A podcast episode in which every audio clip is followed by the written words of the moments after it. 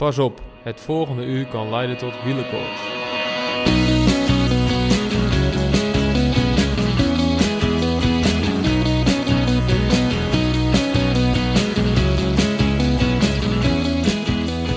Het wielerjaar is inmiddels aangekomen in de meimaand. Een maand die tot nu toe meer lijkt op een koude herfstmaand. Maar niet getreurd, lieve mensen. Laat het maar regenen. Laat het maar koud zijn. Want mei is de maand van het roze. Het roze van de Ronde van Italië. Laat het maar lekker koud zijn. Laat het maar regenen. Want dan kruipen we gezellig met z'n allen voor de tv en gaan we genieten van Tommy, van Rogla, van Bouke, van Miguel Angel, van Pascal en van Simon. En vele anderen uiteraard. Laat die Giro maar heel snel beginnen.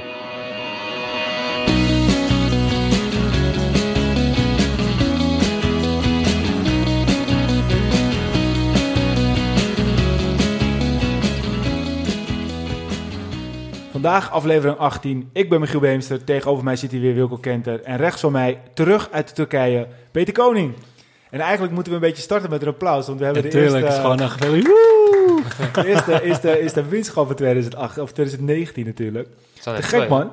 Ja, er twee in één hè. Dus jij, jij pakte gewoon niet één, maar gewoon meteen twee. En hoe ook. Ja, nou, ja, super eh, blij mee natuurlijk. Eh, het was even weer last minute schakelen van eh, het ronde van Kroatië van die doorging. Wat voor mijzelf een klein beetje teleurstellend was. En eh, ja, was ik alleen maar meer getergd om iets moois te doen in Turkije. Zo, en, en hoe doet hij het dan? Want het was ook wel grappig, want het was Koningsdag. En eh, dan juist op Koningsdag wint Peter Koning een etappe in, eh, in Turkije. Ik dacht op een gegeven moment nog, dat wordt nog wel wat, breder opgepikt. Nou, het was wel leuk dat Wielenflits, die maakte het ook eh, oranje boven, maakte ze ervan in, in Turkije. Dus dat was ook wel, wel tof. Heb, heb je daar ook nog één moment over nagedacht? Dat, dat je dacht, van, het is vandaag Koningsdag. En ik, ik rij gewoon voorop. Ik, ik ga hem gewoon pakken als koning. Nou, ik denk niet daarna. Je Denk moet zo niet? snel mogelijk naar de finish om zoveel mogelijk tijd te pakken op het klassement. Want ik stond Ja. natuurlijk eh, eh, 40 seconden achter en eh, die moest ik wel overbruggen. En je weet nooit hoe goed hard ze achter je aanrijden. Dus je moet gewoon eigenlijk verstand op nul en eh, zo snel mogelijk naar de finish. En Ja. dan eh, alles binnenhalen. En voor de Nou, mensen die, die, die geen idee waar het over ging, het ging over de Tour of Mersin. En dan zou je denken, nou, wat- dat, dat, wat is dat? Dat is in, in Turkije. Eh, het was op zich ook wel een redelijke livestream zo nu en dan. Hij viel wel eh, af en toe eh, weg. Of tenminste niet weg, maar er kwam er weer heel veel reclame voor het plaatsje Mersin of de regio Mersin, denk ik dat het is. Maar we, we konden het aardig volgen. Ja, is zeker. Het is natuurlijk niet een grote koers hier in West-Europa. Het is eh, ja, een eh, wedstrijd in de Europa Tour, dus eh, in iets ander niveau dan de World Tour. Maar ja, ze zeggen altijd winnen is winnen en dat is mijn eigen motto ook. En eh, ja, ik ben heel blij mee en vooral hoe op de manier waar het gegaan is, is voor mezelf eh, ben ik super blij mee. Nou, ik vond het echt gek. En ik, ik moet ook eerlijk zeggen, Wilco en ik hadden de Koningsdag. Ik had een rustige Koningsdag. Ik moest een muurtje bouwen in mijn, in mijn, bij mij thuis. Maar ik was echt gewoon echt, was vet blij eigenlijk gewoon. Het was echt gewoon net alsof... eh, Ja, Of, eh, of ik zelf een beetje had geworden. Zo voelde het. En dat is misschien voor jou een beetje raar om te horen. Maar we leven natuurlijk zo mee. En zo intens ook eh, met eh, dit wielerjaar. En vanaf vorig jaar eigenlijk al een beetje. Dus het was echt wel... Ik weet niet hoe jij dat had. nou, mijn vriendin die zei ook, waar zit jij nou weer voor te juichen?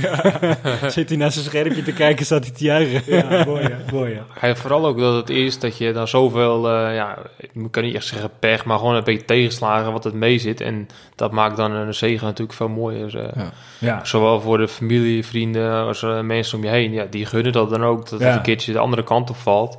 Ja, en nu, eh, het zat er gewoon aan te komen, want het ging de laatste tijd gewoon erg goed.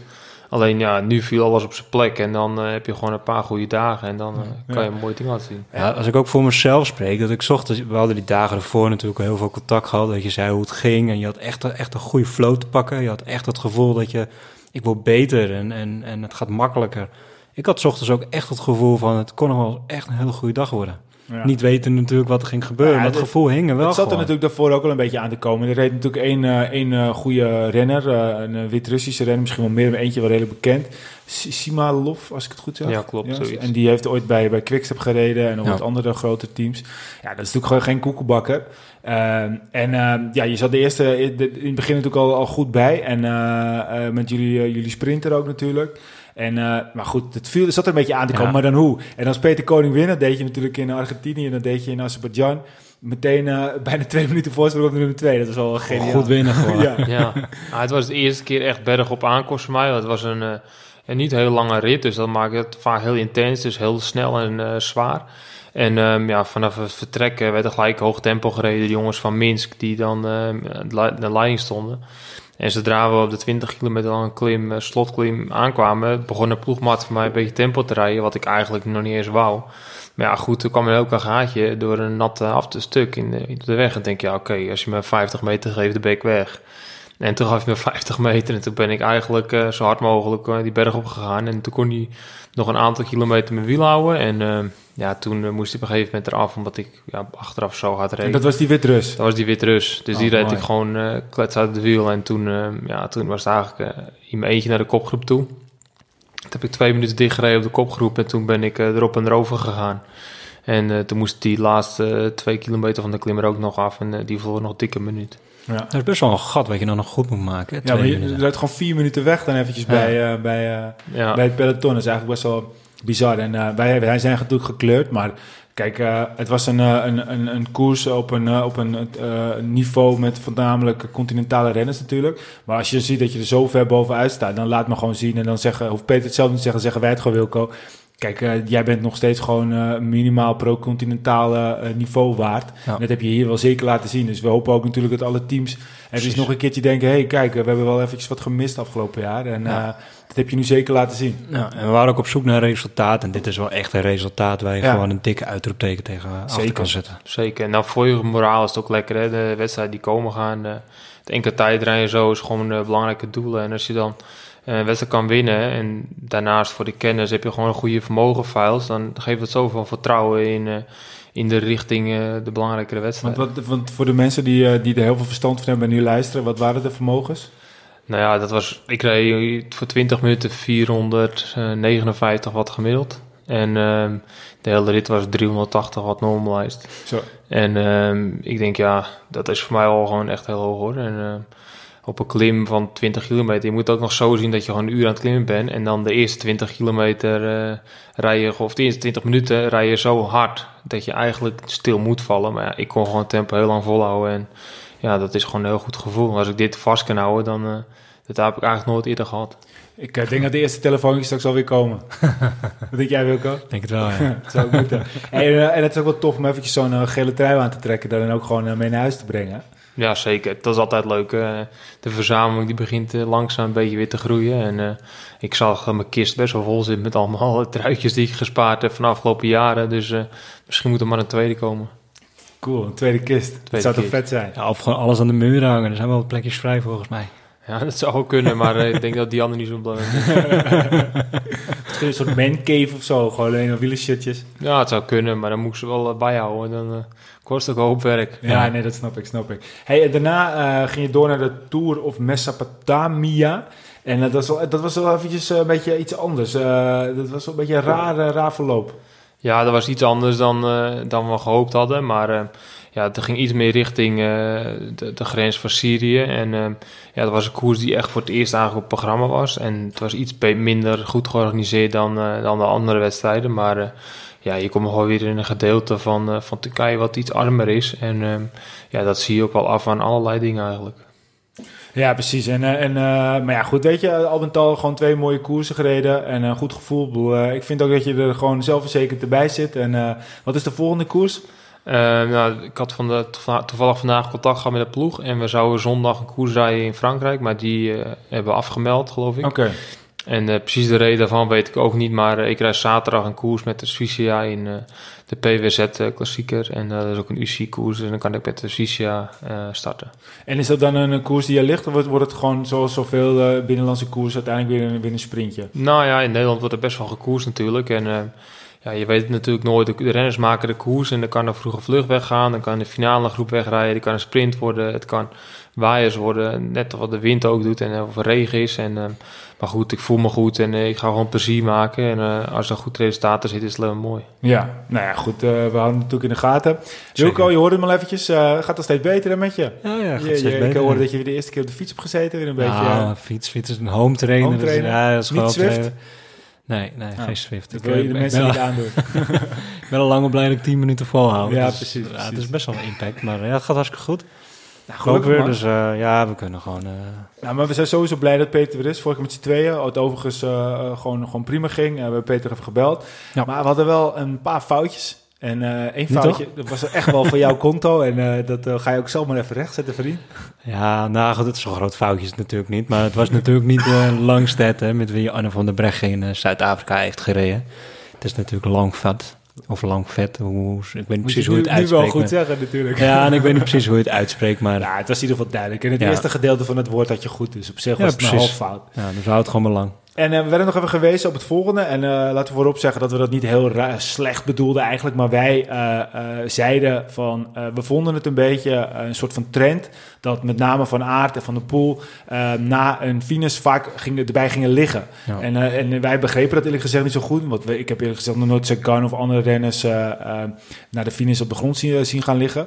Laten we vooropstellen dat, dat het helemaal niet verkeerd is om te doen. Het viel ons alleen op. En het, het leek een beetje alsof ze daarmee de camera opzochten. Nou, misschien is dat niet zo, maar goed, dat, dat kan altijd. Ik ben wel benieuwd wat jij ervan vindt, Peter. Is het nou zo dat, dat, dat als je, als je finisht, heb je dan echt de behoefte om te gaan liggen? Of heb je dan zoiets van, je kan beter blijven staan, want die koelt snel af? Of, of hoe zie je dat?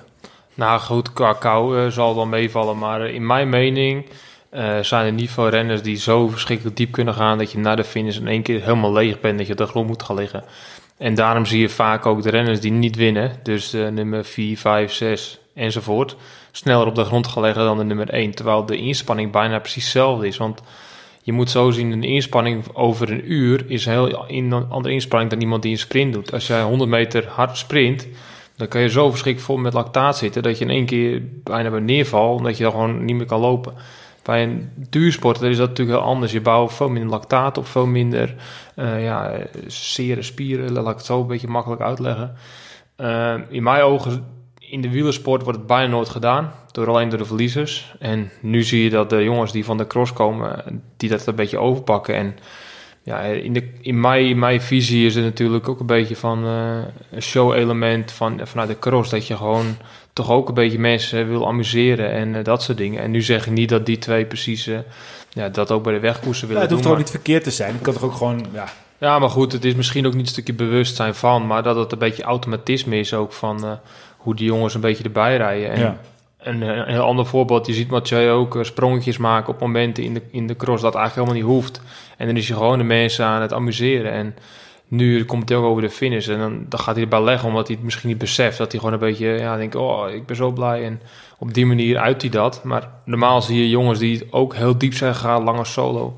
En die gaan lopen over de finish en daarna zie je net of ze niet geen koers gereden hebben. ja precies, ja. En Ja, waarschijnlijk was hij ook door de dolle heen nou en dat, je gewoon, dat hij gewoon niet heeft geweten ook wat hij heeft gedaan. Nou, Dus ze doen het, wel, ze doen het wel vaker natuurlijk op zich. Alleen, het, het, het hoeft ook niet negatief te zijn. Alleen, Zeker niet. Ik vind ook wel een beetje show mag er ook wel bij, toch? Oh, bedoel, zeker. Het is toch helemaal niet erg als ze, als ze gaan liggen en daardoor alle kamers, eh kamers op hun nog wat. Het viel ons gewoon op dat we wel op Parijs-Roubaix deed Van Aert het. En tijdens Amsterdam Gold Race deed eh, Van de Poel het. Ja. En het is, wordt ook gecopycat, om het zo maar te zeggen. Want ik weet niet of jullie de winnaar hebben gezien. Voor mij was het Brussel, Kuhn, Brussel. Nee, Brussel, uh, Adriaan Harenbeek Oh, of Haber, sorry, ja. En ehm, die ging al voor de streep liggen. Dus die ging liggen en toen ging hij daarna pas met zijn fiets over de streep. Al vond ik dat wel echt, echt te ver gaan. Ja, vond ik ook te ver gaan. Maar het wilde, hij ging dus ook eh, bij liggen. Dat was wel weer Ja. grappig dat wij het hadden gezegd toen. En toen uiteindelijk eh, deden de junioren dat... eh, terwijl we eigenlijk zoiets hadden van, ja, waarom doen ze het nu precies? Ik vind dat Ja. je het goed geduid hebt. Eh, maakt voor de rest ook niet uit, maar we moesten het toch even rechtzetten. Eh, mochten er meer recensies zijn of eh, leuke reacties, nou laat ze maar komen toch? Zeker, ja. we, kunnen, we kunnen van alles hebben. Rectificaties of zo. Dat, Rectificaties of zo, van lang, lang, lang stet. Is, Laat ze maar komen, helemaal geen probleem. Ehm, wat is nog meer even belangrijk wat we moeten doornemen? We hebben eigenlijk al best wel snel de volgende podcast alweer. Uh, op 15 mei gaan we een live podcast opnemen. in het hoofdkantoor van uh, Cycle Capital, om het zo maar te zeggen. Yes. Eigenlijk meer gewoon het clubhonk. Dat is Amsterdam. Eh, tussen de bogen 24. Het start om eh, half acht. Gratis entree, wel eventjes aanmelden. En als eh, jullie daar aanwezig willen zijn, stuur ons even een persoonlijk berichtje dan op Twitter of, of via Instagram. En we hebben best wel een mooie gast ook daar. zeker. En niet zomaar niet, want ik heb hem nog eigenlijk in geen enkele podcast gehoord. Dus misschien zijn we wel de eerste. Ja, dat weet ik eigenlijk niet of hij, eh, of hij al in een podcast... Weet jij dat, Peter? Of hij Nee, een ik, ik heb podcast er niet, Ja. niet voorbij zien komen. De mensen die het nog niet weten, denken, nou, waar hebben ze het god? Nou, we hebben het over Steven, Steven Rooks. Nou, ik bedoel, eh, geen, eh, geen verkeerde gast. We gaan hem een aantal vragen stellen. We gaan hem ook een aantal vragen stellen over, over, over Cycle Capital. Maar wat we ook van hem willen weten, is hoe hij een beetje kijkt naar het huidige wielrennen. We hebben natuurlijk een gigantisch goede lichting in het wielrennen. Ik ben ook benieuwd hoe, hoe hij daar tegenaan Ja, kijkt. wat zijn Ja. is inderdaad. Ja, gaat leuk Zeker. worden. Ehm, voordat we overgaan naar de grote Giro-voorbereiding, want eh, daar eh, staat natuurlijk eh, deze podcast van een groot deel eh, in het teken van. Eh, we kijken natuurlijk daar gigantisch uit. Kijken we even terug. Eh, de laatste keer dat we een eh, podcast opnamen, toen eh, was, eh, eh, eh, hebben we een aantal koersen besproken. En eh, nu hebben we natuurlijk weer een aantal koersen gehad die we even doornemen. Ten eerste lijkt Bastenaken Luik. Voor veel mensen is dat alweer lang terug, dus daar blijven we niet te lang bij staan. Eh Vogelsang was veruit de beste, hè? Ja, mooi. Heel mooi. Ik vond eh, ook een beetje verdiende zegen na Ja. zo'n voorjaar. Gerechtigheid. Ja, ook. Maar goed, als iemand zo aanwezig in de koers is en de koers kleurt, dan mag je van mij ook een keer een mooie koers winnen. En ehm, ja, hij schrijft gewoon een heel mooie zege op zijn palmares die eh, die, die dik verdient. Ja, hij, was, hij was wel echt, echt de beste. Ja. Hij reed gewoon iedereen uit het wiel. Hij was, hij was Ja, en, gewoon... en, en hij gebruikte de pionnen goed, hij gebruikte het team goed en eh, alles zat voor hem mee. En hij had gewoon mars dat hij niet onderuit gaat in die Oh, dat ging afdaling. al goed, hè? Dat ging het al goed, ja. ja. Maar goed, dat hoort er ook bij en eh, dat is koers. En zo'n jongen die leeft er ook voor, net als heel veel anderen. En wat ik net zei, hij kleurde koers, dus dan ben je gewoon een verdiende winnaar. Ja, Ja, die afdaling had hij ook nog wel echt goed verkend ook, hè. Maar hij had natuurlijk niet verkend met nat weer. Dat maakte het zo verraderlijk. Ja, nou ja, goed. Je ziet dat hij eh, een achtergrond heeft in het, eh, in het uh, mountainbike, geloof ik. Dus hij heeft wel wat, eh, wat stuurkunsten. Driften, die, die, die, die, die, eh, maar goed, ik dat vind dit eigenlijk ook wel meer een beetje geluk.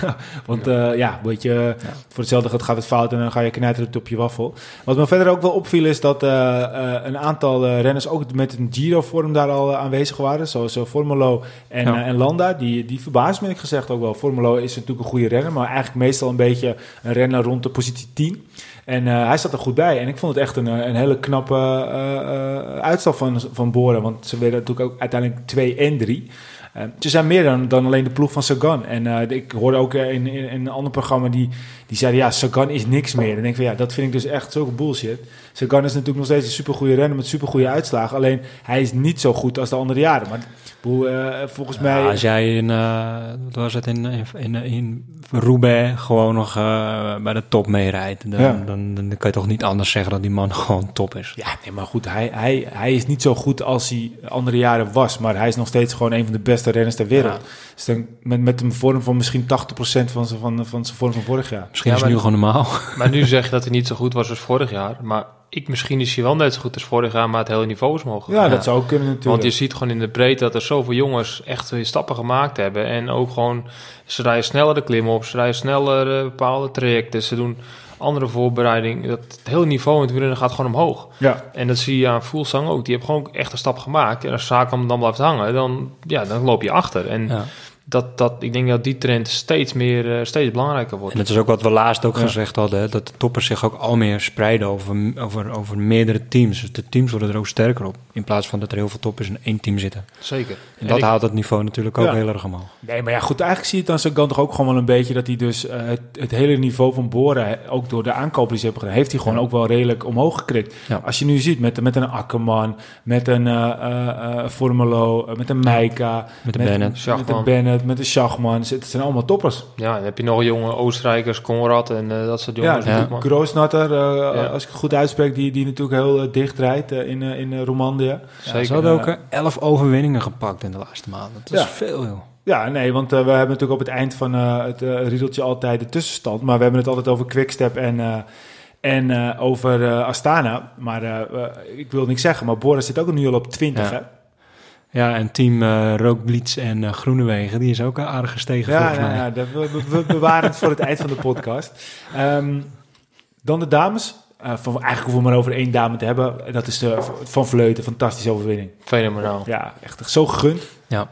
Echt fantastisch. Ja, jammer dat je er alleen niks van te zien krijgt. Belachelijk, belachelijk. En heb je gehoord wat eh, de, de ASO eh, voor volgend jaar eh, heeft gedaan? Om ook weer eigenlijk zelf in charge te zijn van de uitzendingen Nee? beelden. Ehm, nou, alle, de, de, de- er is een soort van Dames World Tour. En daar gaan ze voor volgend jaar of het jaar erop gaan ze verplichten dat die dus minimaal zoveel minuten uitgezonden worden. Ja. En nu schijnt het dus dat de ASO die wedstrijden allemaal heeft teruggetrokken uit die wedstrijdenreeks. Zodat ze dus geen verplichting hebben om het eh, uit te zenden. dus ja, of het allemaal uiteindelijk zo gaat, dat is natuurlijk vraag 2. Maar het is eigenlijk ook weer een stap Ja. terug. En ik vind het ook wel weer typisch. eh, Ja, het zijn alleen de, de wedstrijden wat door de ASO georganiseerd wordt. Ja, maar ja, dat zijn natuurlijk wel aardig wat. En het is Ja. wel gewoon zonde. En of het uiteindelijk alleen maar de ASO zijn of... Maar goed, we laten het in het midden. Het zou zonde zijn, want het is juist... Het is gewoon een supermooie ontwikkeling... die, eh, die vooral doorgezet zou moeten, moeten worden... in plaats van eh, teruggezet, om het zo maar te zeggen. Ja, vind ik ook. Het is gewoon een slechte trend wat je zegt. En eh, ik hoop dat het al beter wordt komende jaren. Maar dat is ook kwestie van tijd. En eh, ik denk dat ook het bij heel veel dingen ook om heel veel geld draait. En eh, dat is onwijs jammer dat ze daar gewoon niet eh ski geld aan investeren om Ja. het dat beter te maken. Ja. Het is niet anders. Maar in ieder geval van Vleuten... eh, Mooie Van overwinning. harte, van harte gefeliciteerd met die fantastische overwinning. Ook wel eens al een tijdje terug. Maar eh, ja. Super. Het is Ehm, echt tijdje terug. Je moet, je moet dus bij stilstaan hoeveel koersen er wel niet zijn. Nou ja, de, de Echt laatste... bizar. Het is vandaag dinsdag en gisteren en vandaag was niks. Het was allemaal een beetje afkicken. Ja, vooral afgelopen week. Dat je, je bent nog niet eens klaar met Romandie. Of je zit gewoon met het achter zit je gewoon nog eh York zitten kijken. Ja, ja, het gaat maar bizar? door. Ja, het is toch heerlijk. Ja. ja, het is gewoon een Valhalla. Ehm, ronde van eh Roglic in Romandie, zo kunnen we het beter noemen. Ik bedoel, die gozer is echt eh, ontzettend eh, goed in vorm. En hij gaf zelf eigenlijk nog aan dat hij nog niet eens eh, volledig eh, het gevoel had dat hij in topvorm zou zijn. Wat Ja, belooft hij- dat? Hij had niet eens de intentie om voor, het, voor de top van het Nee, want ze hadden klassement aangegeven bij, eh, bij eh, Jumbo-Visma dat Kruiswijk de kopman zou zijn. Ja. Maar goed, als je zo goed bent. Het is de koop van de eeuw geweest, denk ik, voor Jumbo-Visma. Eh, Een aantal jaar terug dat ze hem aangenomen hebben. Het is echt gewoon hele, hele goede talent scouting geweest. En eh, ik denk dat ze daar super blij mee zijn dat die jongen daar zit. En ik denk dat hij op zijn plek zit en dat hij volledig gesteund wordt. En eh, ja, we gaan nog heel veel mooie dingen van hem zien. Ik zag trouwens, je hebt zo'n wielenflits-journalist, Juri IJzer heet hij volgens mij. En die, die claimde gewoon dat hij eh Roglic had ontdekt. Dus ik, eh, ik vind het wel grappig dat, dat, dat hij dat gewoon serieus durft te beweren dat hij Roglic heeft ontdekt. Nou ja, ik ben eigenlijk dan wel benieuwd en nieuwsgierig naar het verhaal erachter. Ja, Die- dat kennen wij niet. Daar nee, ben ik dus dan zou hij dan zoveel invloed hebben gehad dat, eh, dat destijds dus gewoon... Hij heeft gezegd, die moet je kopen en... eh want hij is ja. zegt hij. Ik vond, het, ik vond het echt wel een straffe uitspraak. Dus stel voor Misschien dat kan, jij, kan hij eh, dat ons gewoon, gewoon vertellen. Misschien Ja, kan hij een reactie eh, Als hij nu luistert, Dat, eh, het zou tof zijn, stuur ons even een berichtje. Vertel ons eens waarom jij Ja. dan eh Roglic hebt ontdekt. Want eh, daar zijn we wel heel benieuwd naar eigenlijk. nieuwsgierig Dus, dus hij heeft dus gewoon skiskanswedstrijden gekeken. Ja. En dan zeggen, hé, hey, dat is een wielrenner. Zal ik hem even Ja. op de fiets zetten? In plaats van op de Ik denk skis. dat, dat, dat de, de eerste, eh, eerste pakje van, eh, van Roglic, en de eerste helm van Roglic, is eh, eh, door Juri uh, IJs, heet hij volgens mij, is gesponsord. hij heeft hem dat laatste setje vanaf die, die berg gegeven dat hij toen gevallen was en dat hij daarna niet meer op de ik, ski ik snap eerlijk gezegd niet waarom hij dan niet gewoon het eerste keer... Want er is zo'n foto van Roglic dat hij op een of andere verlepte fiets eh, aan het klimmen is. Dat had dan toch in ieder geval een wielenflitspakje moeten zijn als hij de ontdekker is. Dat denk ik wel, ja. Ja, ik snap het niet. Maar ja, zonder Nee, ik ben benieuwd. Ik eh, reed in Azerbeidzjan eh, toen ik bij Drapak mijn eerste jaar reed. En ehm, ik weet nog goed dat ik in een eh, vlucht zat met een mannetje of 15, geloof ik. En we reden een lange klim op. En ja, we zagen gewoon eruit dat we weg zouden blijven. En eh, twee Russen demereren. En ehm, die blijven eigenlijk weg tot de finish. Dat wat ik gevoel had ik. En ik reed voor plek 8, denk ik, zoiets. En in één komen twee renners voorbij vliegen. Roglic en nog een renner van de Adria Mobiel. Ik denk, oh, dit ken nooit. Hoe hard gaan die dan al niet? En dat was bleek dus het tweede jaar dat hij op de fiets zat. En die jongen kwam zo verschrikkelijk hard voorbij. En toen ging de afdaling in en het gat werd twee keer zo groot. En ik denk, ja, die heb aan de motor gehangen of eh, weet ik het wat. En achteraf hoor dat hij dus eh skier was geweest. Denk, oh, dan kun je wel snel een berg affietsen.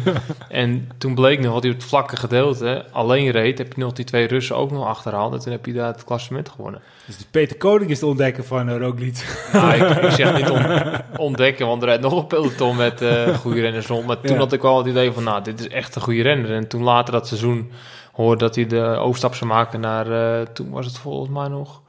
Nou, volgens mij stapte hij toen over, toch? Ja, toen, ja, maar wat, hoe heette het toen nog? Eh, Ja, Iets dat was gewoon een lo- voorloper. Van- Lotto Jumbo was het toen, Nou, volgens ik mij. denk dat Jumbo nog niet was. Was heeft toen- hij al in België en kleuren was- gereden? of? Nee, was het misschien Nee, eh, Lotto NL. Lotto nou. zo was het. Oké. Maar goed, uh, binnen Maar in meneer Vars, geval, maar hij- toen, toen ging eh, hij over, ja. toen ging hij over. En toen liet hij gelijk dat eerste jaar al zien dat hij eh, met de toppers meeging. Dat hij En- bizar, bizar goed was. Ja, en hij, die jongen die maakt nu nog ook nog stappen. Hè? En dat vind ik juist zo knap. Ja. En die heeft gewoon uh, super goede begeleiding daar. En super goede coaches en diëtisten. En ik dat vind het ook gewoon echt een toffe, toffe, toffe gast. Ik, bedoel, eh, ik ken hem niet persoonlijk dan, maar als je hem een beetje zo ziet... en vorig jaar toen hij toen die etappe won, toen ze al zijn Sven stonden daar... hij was gewoon heel relaxed, hij ging er Ja. goed bij om. Ik vond het echt een, eh, echt een, echt een aanwinst voor het wielrennen. Ja, Nou, en, het ik, is- en, en ik denk ook dat hij nog, ook nog lang niet op zijn... Voor mij weet hij half nog niet eens wat hij allemaal wel niet kan. Nee. Het is, het is niet echt een, een, iemand die je zoals Sagan, die je een show stelt. Maar hij stelt de show met wat meer hoe die fietst. Ja. En dat vind ik ook wel gaaf om te zien. Het is niet een karakter buiten de fiets, maar op de fiets. En ja, om naar te kijken is super gaaf. En Ja, ja, zeker. je hoeft niet een, eh, een interview te zien eh, als eh, We Make Party of something. Ja, maar hij, hij kan ook veel. Hij kan tijdrijden. Hij heeft een best wel een goede eh, pencheur sprint. Want hij, hij bergsprintjes voor een selectieve groep kan hij, kan hij best wel aardig rijden. En hij wint ze ook relatief vaak. Hij kan goed klimmen. Zoals wat Tommy Dumoulin niet heeft, is dat die versnelling bergop, die moet één tempo rijden. Dat kan Roglic wel. Ja. Dus het is een redelijke complete renner. En dat, eh, dat maakt hem gewoon super gevaarlijk. Nou, we gaan hem straks natuurlijk nog eventjes eh, uitgebreid bespreken over in, tijdens de Giro-voorbereiding. Ehm, Maar wat hij wel kan doen is misschien die skibril van Sagan lenen. Ja, zijn een motor, motorrace. Of is het eh, een motorrace, Motocross, ja. ja. Dat zou wel passen bij hem, Ja, als dat ski- zou wel ex-skier. pa- zou wel passen, ja. Ik vind het wel mooi dat hij als hij dan eh, gewonnen heeft, dat hij dan dat sprongetje maakt op de Ja, podium. ja, mooi, En dat, ja. dat is wel een mooie handelsmerk. Fantastisch, ja. Heel mooi Eigenlijk, handelsmerk. eigenlijk, jongens, moet hij gewoon net als die junior in Edri Haarbeke bij de finish stoppen. Zijn Ja, en fiets er dan al maken springen. en dan dat maken. Ja, maar het is, hij- ik vind ook, en, en nogmaals, eh, wie zijn wij om dat te zeggen, maar dat, hij lijkt me ook echt een, een positief mens, want eh, hij werd tweede in de eerste, in de proloog, dat is tijdrit van de Ronde van Romandie. Die werd overigens gewonnen door Traknik, dat is dus Ja. een, een landgenoot van hem. En hij zei, ik ben eigenlijk eh, oprecht blij, want eh, die, het voelt alsof een familie van me heeft, heeft gewonnen. En dat, dat is dan ook wel weer leuk om te zien. En dat was ook wel een beetje de zorg een tijdje terug, want die eh, UAE, het is, ik weet niet precies hoe het zit, eh, maar zijn manager of iets dergelijks heeft daar ook weer connecties. Ze waren eigenlijk heel bang dat hij ook die kant op zou gaan. Omdat er ook best wel wat een enclave zit eh, van dat eh, jongens uit, uit, uit, uit dat, dat land. Ehm, dus ja, dat hopen we natuurlijk niet, want eh, Ja. hij, zou, eh, hij mag nooit meer weg bij Jumbo-Visma. Ik denk Nee. dat dat eh Bahrein Meride is. Want eh, Op Rijn Marida. ja, daar zitten allemaal kunnen. jongens van Adriaan Mobiel en daar komt hij eh, vandaan. Oké, dat zou Ah, kunnen. ja. Dan, dan ben ik daarmee in de war. Kijk, Ja. eh, een Traknik is dan een, een ander verhaal, maar dat is wel een landgenoot. Maar goed, het is gewoon mooi dat hij dat gunt en dat hij dat... goed, eh, die, eh, ik, ik denk dat hij eh, zoveel baat heeft bij trainingsmethodes van, eh, van Zeeman. Ja. Ja, je ziet wat voor sprongen hij gemaakt heeft. Allemaal gesproken ook natuurlijk, of sprongen hij gemaakt heeft. maar mooi bruggetje. Precies, maar hij maakt echt hele grote eh, stappen in het fietsen. Ja, dat komt natuurlijk gewoon omdat het plan wat, wat voor hem geschreven is, dat past bij hem. En ja, dat- en hij zit nog niet lang op de fiets. Hè? Dus Nee, alles daarom. wat hij doet, dat slaat ook echt aan. En Ja. dat, dat zie je ook gewoon, die Zeeman, die is er zo mee bezig. En die Ja. heb ook, ik heb ook mijn advies gehad van hem toen ik eh, junior was. En die heb ook gezegd van, eh, we gaan een lang traject uitstippelen. En eh, niet gelijk het allerhoogste doen, mee heel veel trainen. Het doet heel geleidelijk en wel Ja. op bewuste keuzes. En ja, je ziet dat dat heel goed aanslaat. Ja. Bij, ook bij Dylan Groenewegen. Compleet andere renner, maar die maakt ook elk jaar stappen. Ja. En ja, dat is super goed in elkaar gezet. Ja, nou ja, goed. En eh, zo heb, eh, heeft eh, Jumbo-Visma nog wel een aantal andere renners. Ik bedoel, eh, Laurens de Plus, om een voorbeeld te geven, die was natuurlijk altijd al heel goed. Maar als je ziet hoe goed hij nu dit jaar alweer is. Ja. Ja. ik weet ook niet welke kant dat op gaat. Maar dat zou natuurlijk zomaar kunnen zijn dat ze straks weer een pareltje hebben. Al Mocht Roglic wel weggaan, dat, dat hij dan zo die... die Ja. dat- en, en ook eigenlijk Kruiswijk zelf wel. Maar goed, we gaan daar niet te diep in. We waren nog even met de laatste koersen bezig. Ja. Ehm, een andere jongen die natuurlijk opviel was, was Gaudu. Ehm, ja, gewoon ook echt een fantastische renner. Hè? En eh, dat, dat, dat laat ook wel zien dat, ze, dat, dat, dat eh, Frankrijk ook echt een generatie heeft met eh, renners om, eh, om jaloers te zijn. Kijk, wij hebben als Nederland een hele goede generatie, maar op dit moment de Fransen, met, met een Alaphilippe, maar ook weer met een uh, Gaudu die eraan komt, dat is wel echt bizar. Hè? Toch, als je die sprint van die etappe evalueert, als Roglic beter gepositioneerd was geweest, Ja. had hij hem gewoon ook gewonnen. Want hij kwam zo hard nog terug, terwijl hij opgesloten zat. En hij zat slecht gepositioneerd. Ja, maar dat ben ik wel met je eens. Maar dat, dat, ik bedoel even het onderstrepen Nee, van het talent. Die jongen Ja. is eh, volgens mij 21 jaar. En die wint hier Ja. gewoon een eh World Tour eh, heel koers. sterk. En hij zit er gewoon super goed bij. Ja. En ja, ik bedoel, ik heb ergens ook een, een interview gelezen dat, dat het puur om vermogens uh, uh, van een aantal jaar geleden. Dat hij toen al bo bovenuit stak en dat hij het grootste Franse talent is. Nou ja, ik vind het ook een beetje, als je alle Philippe hebt, uh, ja, volgens mij is dat nog steeds het grootste talent die ze hebben. Maar goed, hij is dan de coming uh, man. Maar dat viel op en uh, het was wat dat betreft ook een, uh, een goede week voor, uh, voor uh, Frances de Jeu. Ik wilde zeggen, ik vond die hele ploeg ook sterk. Koen, die ook natuurlijk een, een, een, een Peter Koninkje deed hij eigenlijk. ja. ja. Ja, maar gewoon de hele ploeg, uh, ook de overwinning van Koen, uh, was zeker knap. Want het was echt een mooie solo. Maar ik vond de hele ploeg gewoon in de breedte vond ik in Romandie heel sterk rijden. Ja. Heel oplettend gegroepeerd, ook met z'n allen. Ja, misschien al, al redelijk eh, aan het toewerken naar, eh, naar de Tour de France. Omdat Ja. ze daar natuurlijk uiteindelijk, het, eh, dat is voor hun natuurlijk het allerbelangrijkste koers van het jaar. Ja. En, en volgens mij was het zelfs de overwinning van Koen was pas de eerste World Tour etappe overwinning van dit jaar. Ehm, die ze daadwerkelijk ook wonnen. Dus, dus, dat, dus ja, dat zegt ook wel wat. Ja, Nou, dan pakken ze gelijk twee, dus goed. Ja. Ik kreeg nog om aan te sluiten bij de jonge talenten. Ik kreeg wel een leuke vraag vorige week van iemand die vroeg: eh, Wat is jouw mening eh, omdat er zoveel jonge jongens echt hard rijden? Dus jonge profs, jonge neoprofs gewoon zo goed zijn. En toen ja, ben ik over na gaan denken en eh toen lag ik op mijn hotelkamer. Ik had geen internet, niks, dus ja, dan ga je over dingen denken. En toen eigenlijk is het jaar, laatste zeg vijf tot tien jaar is het wielrennen in de breedte ook zoveel omhoog gegaan. Dat betekent ook dat de hele opleiding, op bij de juniorenteams, bij de onder 23 niveau ook gewoon een stap gemaakt heeft. En daarin is hun ontwikkeling misschien sneller gegaan dan de jongens die eh, rond de jaar of 30, 32, 33 mindere juniorentijd hadden. Want ik weet nog dat ik bij de junioren reed. Toen lag er ook een voetbal achter in de bus. En dan stond er voor de koers nog een potje te voetballen, bij wijze van spreken. En ja, als je nu bij de juniorenkoers komt, dan staan ze allemaal op te warmen op home trainers en eh, af te koelen op home trainers. Dus Ja. dat niveau op die leeftijdscategorie wordt ook al omhoog. En dat kan een goed ding- teken zijn, maar het kan ook een slecht teken zijn natuurlijk. Dat ze eerder opgebrand zijn, bedoel je? Nou, dat zou kunnen, dat het moeilijker is om dat niveau vast te houden. Ja. En ik- ik denk dat altijd de plezier voorop staat. En dat de jongens die er plezier in houden op dit niveau dan het wel vol gaan houden en boven komen drijven. Maar als jij altijd heel veel gedaan hebt en dat je het plezier erin kan verliezen, dan wordt het ook heel moeilijk. Ja, het is eigenlijk ook wel grappig dat je zegt. eh, eh, naast eh, de podcast Ari- Arielle Lacours heb ik eh, laatst een podcast opgenomen met eh Guus Til. Alle ballen op, gaat over voetbal. En die vertelde eigenlijk eh, een beetje het, eigenlijk hetzelfde wat jij nu zo zegt. Dat, dat ehm, en dat eigenlijk om even de link te maken, dan hij eh, was een jonge voetballer, hij was altijd heel klein. En hij was eigenlijk al bezig met het feit van hoe kan ik later nou mee en hoe kan ik profvoetbal worden. En dat betekent dus dat hij gewoon sterker moest worden en dat hij slimmer Mhm. moest zijn. En hij is eigenlijk daardoor, eh, heeft hij zich ontwikkeld. En doordat hij mee bezig is, is hij uiteindelijk prof kunnen worden. En is Ja. hij een van de toonaangevende spelers geworden bij AZ. Heeft hij zelfs Nederlands zelf te gehad. Omdat hij dus gewoon zich veel meer, hij was veel meer bezig met de sport dan andere voetballers. Daardoor heeft hij het mede gehaald. En wat je eigenlijk zegt, wat je in het wielrennen gewoon ziet, is dat elke wielrenner veel bewuster bezig is met eten. Veel bewust bezig is met, met, met trainen. Kleine dingen zoals uitrijden, inrijden. Als je dat natuurlijk van de jeugd al dat gaat doen... en, en je ziet dat de helden dat doen... en je gaat dat een beetje copycatten... en, en, en de opleidingsploegen worden steeds beter... dan zie je eigenlijk gewoon dat die, dat die renners al van jongs af aan... steeds beter worden voorbereid... en dat ze, dat ze op die manier al worden klaargestoomd voor het echte werk. En, en in, in het wielrennen is dat misschien wel het allerbeste voorbe- voorbeeld... Mhm. omdat je nu ook met de opleidingsploegen die je hebt... ehm, zoals Jumbo-Visma gaat nu een opleidingsploeg eh, eh, inzetten... Volgens mij wordt het meteen echt een van de best, betere ploeg. Want dat wordt dus eh, de, de, de, de belangrijke man die eigenlijk daarboven hangt, is, is Marijn Zeeman. Eh, wel met een andere, met een trainer die ook weer uit het voetbal komt erbij. Alleen wat je dus, als je dus een beetje dan die link maakt met die, met die jonge voetballer Guus Til en die jonge renners. Die stond er ook heel snel. Omdat hij dus zo bewust bezig was met zijn sport. En je ziet dus gewoon in het wielrennen ook dat jonge jongens. Ook bijvoorbeeld in Fabio Jacobs is een goed voorbeeld daarvan. Die komt eigenlijk over. Maar ja, hij is meteen, wint die koersen. We hebben jaren gehad dat jonge renners die overkwamen gewoon eigenlijk nergens meer waren. Misschien is het beste ik ooit wel eens van eh, Bas Gieling gehoord, die toen in de tijd van Thomas Dekker overkwam. Dat was de beste junior, de beste belofte die je maar kon bedenken zo'n beetje.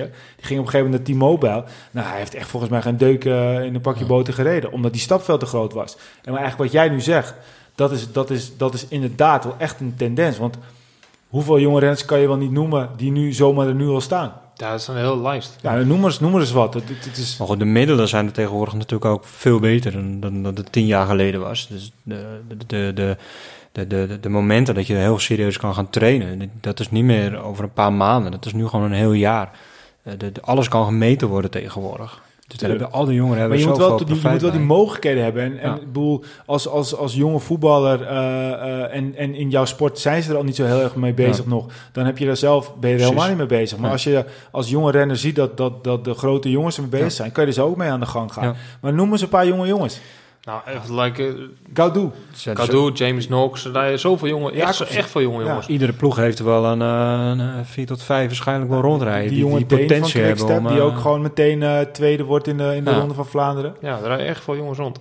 En je ziet ook bijvoorbeeld het Nederlandse team, Zeg Racing, die doet echt hoog niveau opleiden. Ja. En die laat ook zien, eh, ik zag laatst toevallig een, eh, een stad langskomen, dat ze gewoon eh, in de top staan met zegers. Ja, ja, Tussen de wildtoerrenners. Ja, Dus- zeker, ja. Dus een het beste continental team en dat is een opleidingsploeg voor de Wildtour. Ja. En ja, daar lopen ze ook mee. eh uithangbord van hun is gewoon we leiden renners op naar de Wildtour. Dus Ja. daar ook die jonge talenten die willen daar graag heen en die willen gewoon op het hoogste niveau opgeleid worden. Ja, maar het is ook natuurlijk uit, uit, uit, uit een zwartgallig verleden ontstaan ook altijd weer mooie witte tulpen. En, en dat is eigenlijk ook wel wat een beetje gebeurt. Dus als, je- als je op een gegeven moment... Het wielrennen was natuurlijk zo, was hartstikke verneukt.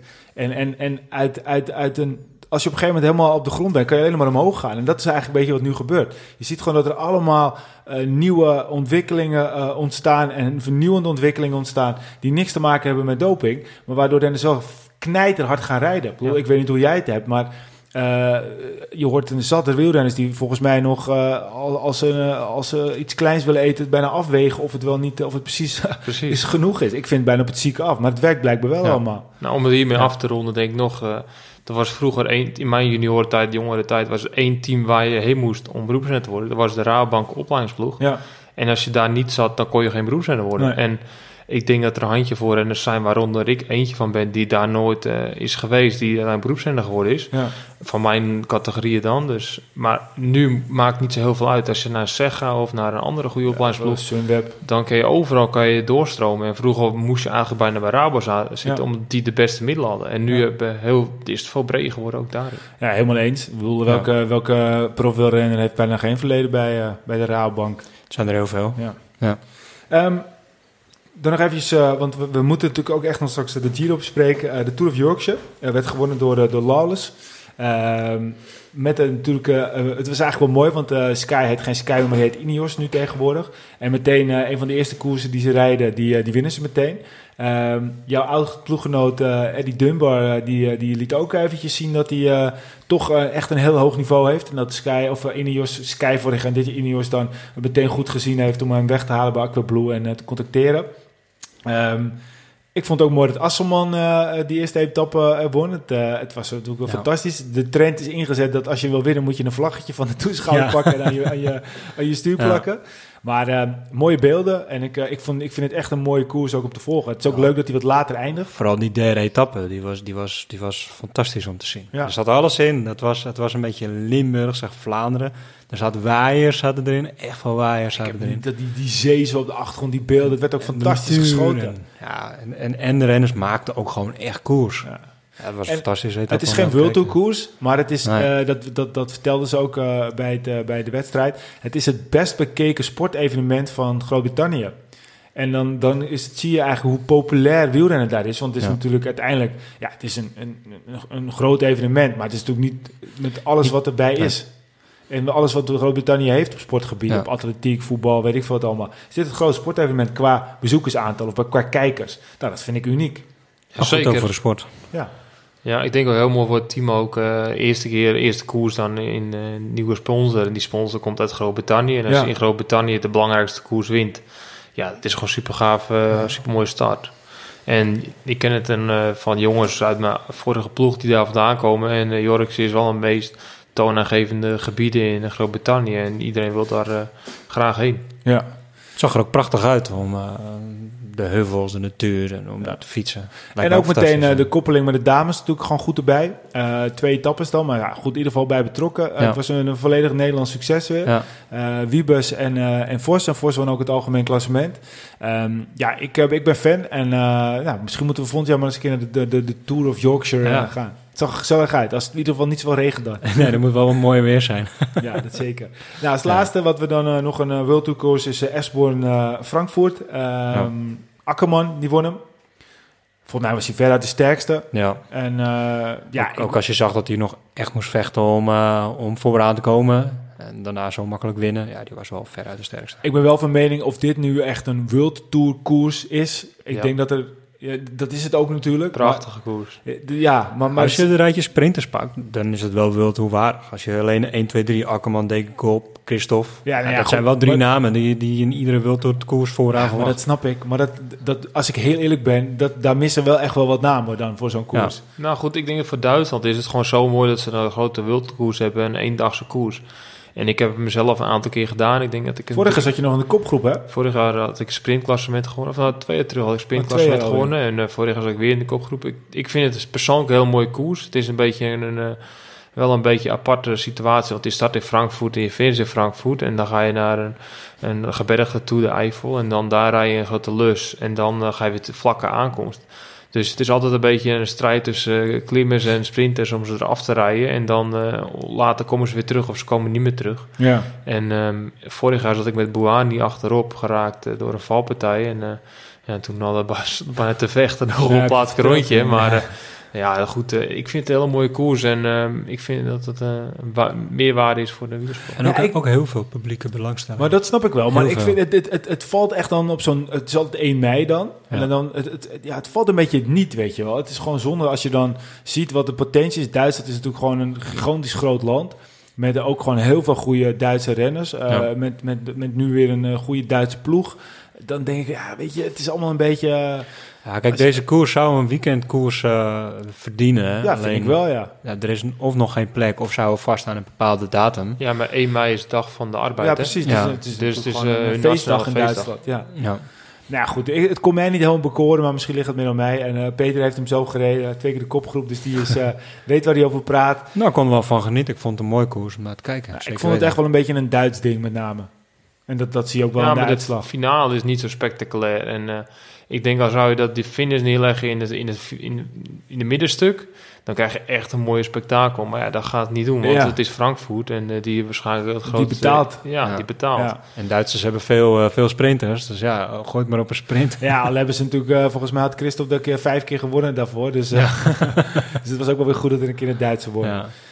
Goed, nou dan gaan we nu uiteindelijk dan toch toe naar, eh, ja, toch ook wel, eigenlijk vind ik altijd de Tour de, een van de mooiste drie weken van het jaar. Dat is ook een beetje de periode, maar de Giro de laatste jaren jongens, eh, we hebben er zin in hè.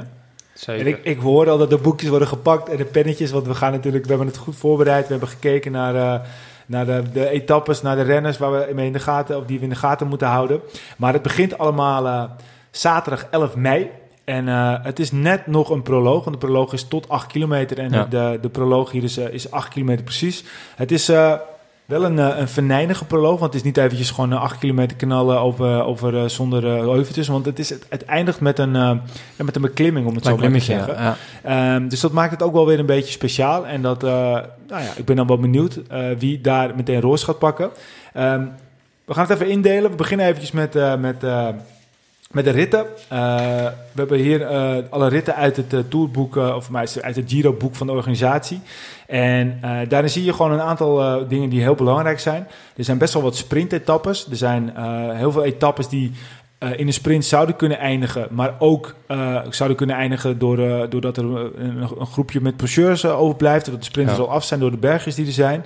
Ehm, wat ook te, te grappig is, dat er best wel twee redelijk lange etappes zijn. Eentje van 238 kilometer en eentje van 239 kilometer. Een proloog en twee tijdritten. Dus daarom is ook onder andere waarom Tommy Dumoulin hier is en niet in de Tour. Um, ja, en ook 1, 2, 3, 4, 5, 6, 7 uh, etappes met de proloog meegenomen ja. die berg op eindigen. Peter, wat vind je ervan als je zo ziet het, uh, het, het, het, ja, de, de, de etappes? Uh, is het een zware Giro? Ja, zeker. Ik, zie het een beetje, ik vind het best wel veel lange ritten erin zitten. Toch wel uh, ja, een heel aantal boven 200. Dat ik zo vertel, dan zit er een stuk of zes boven de 200. En uh, ja, dat is echt wel lang. En ja, dan, dat telt zeker mee ook in, uh, in, in het systeem van de renner zelf. En uh, ik kijk heel erg naar uit. En uh, ik denk dat er een aantal speerpunten zijn, uh, of een paar punten die belangrijk gaan zijn, is de tijdrit. En uh, ja, voor mezelf is dat rit 16 waar ik naar uitkijk met uh, de Mortirolo en Passo de Gavia.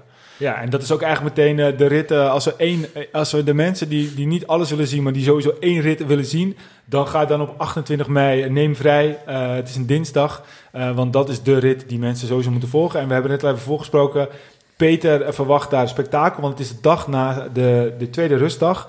Ehm, en er kon nog wel eens een vroemetje ontstaan. Ja, goed, eh, je weet, weet toch wel renners over het algemeen dat ze de rustdag soms of heel goed verteren of toch niet zo heel erg fijn vinden. En ja, dan zitten ze vaak met de billen bij elkaar eh, na een dag. Dus eerst is een rit van 232 en dan een rustdag. En dan een rit van 226 met ja, de passen, de Gavia en ook nog een Motirolo erin. Dus dan is het echt wel een eh, lastig, lastige Ja. koers. En eh, alles wat er tussenin zit natuurlijk, want er zitten heel veel eh hoogtemeters die niet eens op het op, op, opgenoemd worden. Dus ja, dat gaat zeker een scherprechter zijn in deze Giro. En eh, ik kijk daar dan naar uit. Ja, het is, eh, het is, het is toch wel weer een... elke keer hebben ze, leggen ze een parcours neer waarbij je het niet helemaal nog weet... maar waar het heel veel kanten op kan, maar waar het toch sowieso wel spektakel is. Ik bedoel, wat is jouw gevoel een beetje bij, Wilco? Ja, het sowieso gaat spektakel worden. Alleen ik heb, ik heb niet het gevoel, wat, wat, eh, of ik volg niet het gevoel van Peter, dat het, een, eh, dat het op, de, op de, de berg de Motorolo gaat gebeuren. Ik denk dat de, de eerste en, en misschien wel de grootste slag eh, al gaat komen in de tijdrit, in etappe 9. Het zal zeker niet de beslissing zijn, maar ik denk wel dat daar de top 3, misschien wel de top 4 eh, gevormd gaat worden. Die tijdrit is dermate lang en er zit een, een, een, een klim in. Ja, mannen als eh, Roglic, Dumoulin, zeker zo ook lang is hij toch eigenlijk helemaal niet. Hij is, maar, hij is 34,7 kilometer. Ja, maar die klim die is eh, de helft, bijna de helft van de, de, eh, van de, van de etappe volgens mij is, Ja. eh, is de klim. Dus ja, er kunnen gigantische verschillen gemaakt worden. dag voor de rustdag. Dus Ja. iedereen gaat volle bak. En eh, dus ja, er kunnen echt wel hele grote verschillen gemaakt worden. Ik, ik, ben, ik vind het wel interessant wat je zegt. Want het zou dus betekenen dat er eigenlijk binnen een week al de Giro op zijn gat zou liggen. Ik denk persoonlijk toch wel dat die twee, twee in die week drie daar, daarna ook heel belangrijk zouden zijn. Ik weet niet hoe jij dat ziet, Peter. Ja, goed, ik, ik ben wel... Ik snap wel de mening van Wilco waarom je dat zegt. Want ja, goed, eh, afgelopen jaar zie je de tendens in de tijd dat het steeds belangrijker worden. Maar voornamelijk zie ik renners zoals Simon Yates, Sami Yates en dat soort jongens en Landa die gewoon zo verschrikkelijke stappen gemaakt hebben. En die hebben niet van de tijdrit nodig. En ik denk als zou Roglic die die tijdrit eh, domineren en die, die goede paar eerste ritten rijden, dan moet Lotte Jumbo wel twee weken controleren. En Ja. gaan ze dat aankunnen? Ehm, ja, nee, maar dat komt ook druk op de schouders om die stress, al die media, al die pers, al die tijd en energie wat je kwijt bent aan de roze trui. Ja. Dat moet je wel nog overhouden in de laatste week. En ik denk dat Tom Dumoulin, als zou die tweede staan, die zou echt zijn handen dichtknijpen en wachten tot die laatste tijdrit en dan eh, daar zijn slag slaan. Want dan gaat het heel zwaar tellen, al die aandacht van de media en roze trui. En we hebben het gezien met Kruiswijk. Ja, klopt. Je gaat een tijdrit ga je vast. niet, eh, niet op 90% rijden. Je gaat de tijdrit Nee. altijd op 100%. Nee, maar goed, dat is ook net niet wie, er één staat natuurlijk. Want Dumoulin, kijk, eh, we gaan zo nog eventjes eh, dieper op, op de tijdrit specialisten in. Maar goed, ik heb wel een beter gevoel dat Roglic misschien op dit moment wel eventjes over... dat hij misschien wel beter is dan Dumoulin. Met, ja, maar met zeker, ja, zeker nu. Ja, maar goed, Ja, maar daarom als- zeg ik ook hè, dat, het- dat er waarschijnlijk op top staat. 4, dat er misschien de, de drie of vier renners, die gaan zich echt afscheiden ten opzichte van eh, op dat moment van, van Je anderen. bedoelt En dat, dat dan niet het klassement al klaar is, maar dat er gewoon vier, vijf renners... eh, die gaan zich echt afscheiden van, van de rest. En die, en die gaan het uitmaken. Dus eigenlijk in mijn optiek is dat gewoon de beslissende move. Om, om, om dat dan gewoon... voor de top eh, van het klassement. Echt de top scheidt zich af van het, hetgeen wat, wat de top 10 verder gaat Ja. vormen. ja, dat, Nou, kan, dat dat kan gaat de ik scherprechter worden. naar mijn eigen gevoel gaat zeggen van, eh, dat uh, Roglic gaat domineren in de eerste week. Dat hij nu zo goed is dat hij dat niet vast kan houden de komende drie weken. En ik denk dat eh Tom Dumoulin daar super blij mee is wat hij nu heeft gezien eh, in de Romandie. Dat Ja. hij Roglic zo goed is al. Dat hij de eerste week gewoon aan de leiding komt te staan. Dat de druk ligt bij Lotte. Jumbo. En ehm, daardoor is Tom voor mij de, de topfavoriet. En eh, dat hij de laatste, topfavoriet? dat hij de laatste Ja. dag in de tijdrit weer eh, Je- net doet. Dat hij, Je denkt echt dat, dat Dumoulin nog steeds de topfavoriet is? Ja, ik denk het ook. Voor mij ook. Ja? Er zitten Want wat- zoveel ik, tijd ik heb nog kilometers steeds, in. Ik heb nog steeds ook wel een beetje het, het volgende gevoel. Stel, als Tom Dumoulin eh blijkt dat zijn vorm niet helemaal is, wat hij zelf ook een beetje aangeeft. Hij is nu eh, eh, minder dan twee, twee jaar terug en minder dan vorig, geeft hij zelf aan. Stel, als, als nu het zo blijkt dat, dat zijn vorm echt niet zo goed is en hij, hij, hij verliest wat tijd. Het zal me ook niet zo eens heel veel verbazen dat hij op een gegeven moment zegt van oké, na een week of na tien dagen, ik, ik stap af. Maar waar gaat hij het verliezen? Nou Want ja. ik denk niet dat het... Het is niet een parcours waar het zo verschrikkelijk steile muren aan het einde zijn... waar hij zoveel tijd gaat verliezen dat hij het niet meer aan kan. En Nee, dan in was- de laatste week, waar het juist om draait... Dus als hij nu nog niet super is... die laatste week is juist berg op aankomst... waar hij dan toch voor moet hebben. En hij gaat een beetje een, een, een Giro rijden in mijn ogen... wat Chris Froome afgelopen jaar deed. Hij zal de eerste week, eerste week zal hij meer moeite hebben dan de laatste week. Hij gaat erin groeien, hij gaat in de ronde groeien. Dat hoor je natuurlijk vaker. En vooral die laatste tijdrit kan hij nog een seconde of 20, 30 gewoon in één keer goed maken. En als je dan nu al zo goed bent als Roglic, aan de lijnen komt te staan, al die druk, al die stress Ja. van die leiderstrui aan je schouders hebt, dat is natuurlijk weer heel iets anders dan de ronde van Romandie. En dat laat hij wel zien dat hij het heel goed aan kan.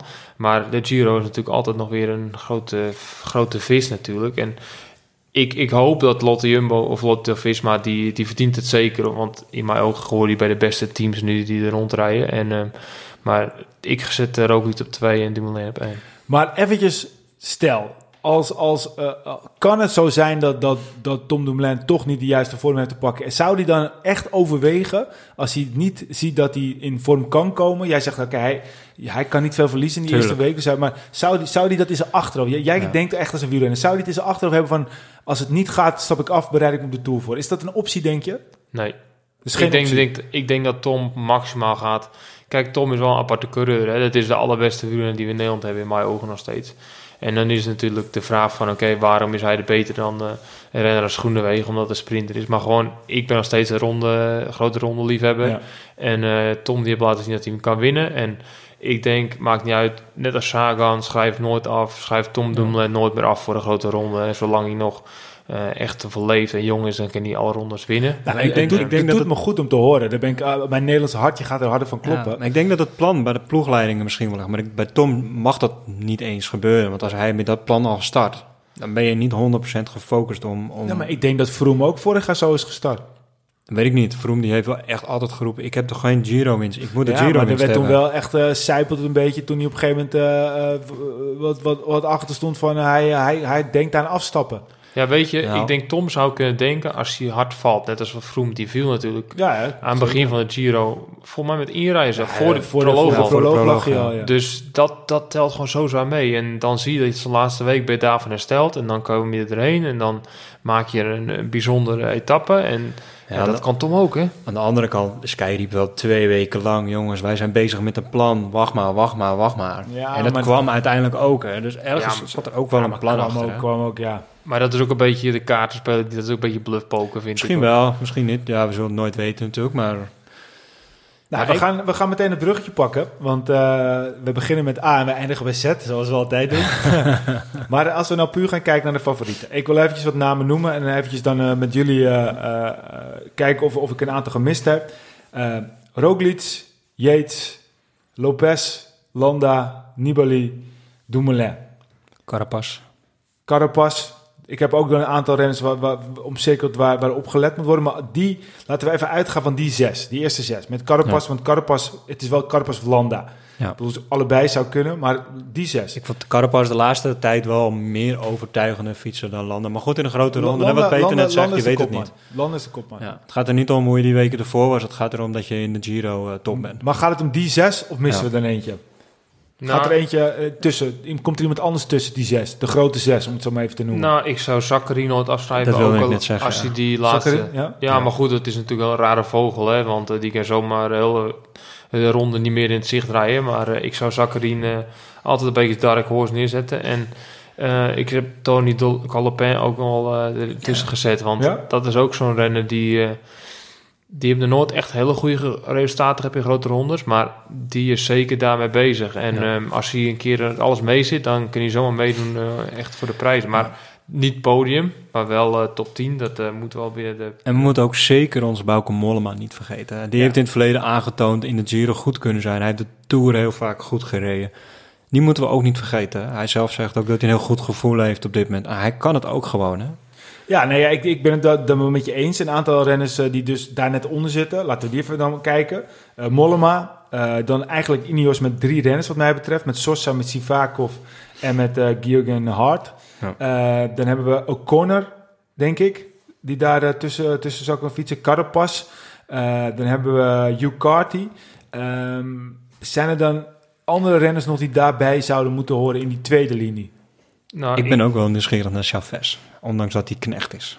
Ja, ik weet niet. Ik, ik heb eh Jungels neergezet voor Jungels, mezelf. Jungels Oh, sorry, had ik ook nog. Ja, Jungels. Die heb ik er wel eh, tussen gezet, want die weet je natuurlijk niet eh, wat hij doet of wat voor vorm hij is na goed- zo'n goed voorjaar. Maar eh, ja, die jongen die is zo goed bezig. En eh, als het een beetje mee zit, dan rijdt Quickstep gewoon weer hard. En dan eh, ga ik een beetje stuiverwisseltje met, eh, met Astana voor de etappenzegers. Ja, ja. Maar eh, ja, zonder dolle, ik denk dat Viviani daar de kopman is. En dat die jongens gewoon even goed eh schaduwkopman is. En eh, misschien een klassementje probeert te rijden. En als hij dan erheen komt in de laatste week, dat hij zomaar eens een keer... eh, Ja, want hij heeft zich ook echt, echt natuurlijk eh, heel goed voorbereid. Want hij heeft zelf, hij won natuurlijk uh, Luik Bastenaken Luik, won hij in 2 2018. Hij heeft het dit jaar laten schieten om zich voor te bereiden op de Giro. Ja. Nou, dat doet hij natuurlijk niet om, eh, om daar eh, een beetje Nee. voor eh, de... Maar, maar ze hebben dat toch ook uitgesproken, dat Viviani is de absolute kopman. Die gaat sprinten natuurlijk, maar Jongens die is eigenlijk ook de kopman, alleen die krijgt gewoon een vrije rol. Volgens mij is dat ook uitgesproken. Hij mag gaan voor etappenzegers, hij mag proeven aan het klassement. Ja. Echte ambities hebben ze niet uitgesproken, maar hij heeft wel gewoon een duidelijke vrije rol. Ja. Nou ja, oké, maar, maar zijn er dan, als we nu eventjes nu een top 3. Peter, jouw top 3 van de Giro 2019. eh, Tom Dumoulin, Roglic, Sami Yates. Oeh, Het mag niet hetzelfde zijn, hè? dus we moeten nu anders. oh, het moet anders. Oh, nou, Nee, dan, hoor, eh, niet, nee, hoor. Ik, mag ik, hetzelfde. ik denk dat eh Simon Yates gaat winnen. En dat eh eh, Roglic 2 en Tom 3 wordt. Ja. Ik hoop het niet, maar ik, dat is mijn gevoel. Ik hoop het ook niet, maar ik denk dat eh Roglic gaat winnen. Dat, is, dat Yates tweede wordt en dat eh Nibali derde wordt.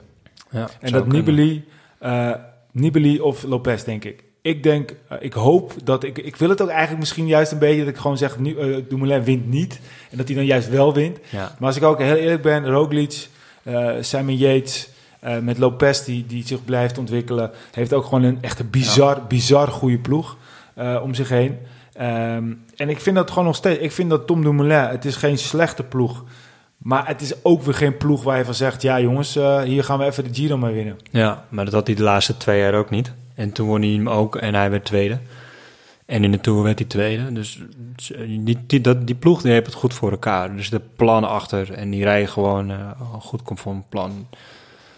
Maar Tom, mocht je luisteren, geef ons alsjeblieft dat Milaan-gevoel. Ja, ja. we hadden natuurlijk helemaal een, we hadden een podcast er helemaal klaarstaan. De, de, de, de Yellow podcast hadden zelf de muziek er al bij gezocht. En we wilden een soort obade maken aan Tom Dumoulin als hij de Tour ging rijden. En dan rijdt hij de Giro.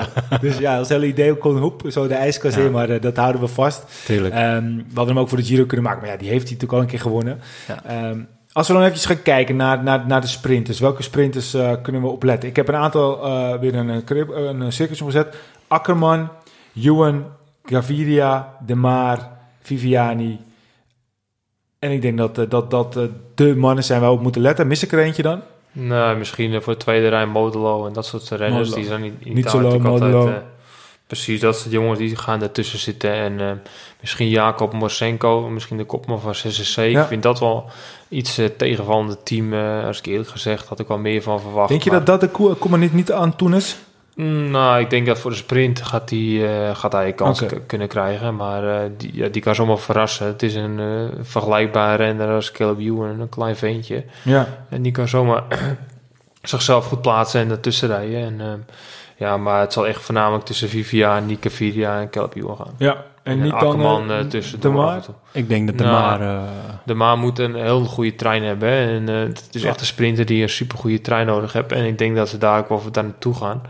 Maar eh, ik, ik acht Viviani altijd nog eh, twee klassen beter dan... eh, de ploeg rijdt volledig in dienst van, van Dema. Ja, maar goed, je ziet dat een, een Caleb Ewan en Viviani... die kunnen heel Ja. goed bewijzen van zelf nog in het wiel bij de Maar... en dan eroverheen komen. En Ja. dat is het nadeel van eh, voor de Maar daar. Die hebben Ja. gewoon drie... Met Caviria, Viviani en Caleb... drie geduchte tegenstanders... die altijd in principe één op één sneller zijn. En Ja, dat is wel mooi. De hele complete sprintop is dus in principe aanwezig. Dus Ja. sowieso uh, Nou ja, groene wegen De ontbreekt. groene wegen is er natuurlijk Nee, niet. oké, maar we hebben ook een vier, ja. Uh, Ja. Net Viviani. Dan, dan, dan hebben we het er wel over twee kanonnen hè, van de laatste Ja, jaren. maar dat is natuurlijk niet alle sprint op. Maar ik snap, eh, ik snap je punt. Er, er, zal, eh, er, zal wel, er zijn veel topsprints. Maar ik vind... Ik, ik hunker eigenlijk wel echt naar het moment dat ze een keer allemaal in één ronde zitten. Ja. Alle sprinters gewoon eh, eh, op, de, op de partij. Want kijk, of je nu wil of niet, kijk, de, de tweede lijn, Sagan, Christophe, eh, eh, tal van anderen, die zijn niet. Ik vind eerlijk gezegd, Akkerman, Bennett. En ik, iemand zou tegen me zeggen, je moet een keuze maken, Akkerman, Bennett. Ik denk dat ik persoonlijk eerder Bennett zou kiezen. Ik ook. Dus Die hebben het hele jaar al laten zien dat hij de dus top kan verslaan. Bennett won ook gewoon vorig jaar van Viviani eh, een aantal Ja. keren. Nou, Maar dit jaar kiezen- ook, hè? Dit jaar heeft hij Ja, oké, maar ze, Viviani ze en kiezen voor. Akkerman. En Ja. ik denk dan toch, dat toch weegt toch mee Duits ploeg willen met een... Maar goed, dus, dus de top. Ja, ik, ik vind het jammer dat Bennett niet rijdt. Want Ik had ze allebei meegenomen. ja, maar ja. Want, Hadden we eh, ook nog in de app geopperd, inderdaad. want waarom- allebei? Waarom neem je hem gewoon niet mee en gaan ze met z'n tweeën gewoon, eh, gewoon perfect dat die dat voor elkaar spelen? En dan kunnen ze allebei dat leren, ze kunnen allebei een stap maken nog.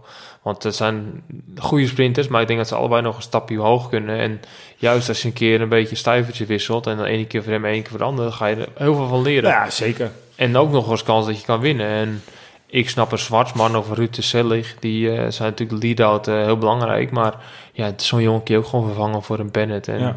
die zal niet naar de Tour gaan eh, om Sagan... Eens. Maar of ze voor elkaar zouden willen rijden. Ik denk dat we sowieso wel één transfer bekend kunnen maken. Dat Bennett volgend jaar niet meer bij Bora rijdt.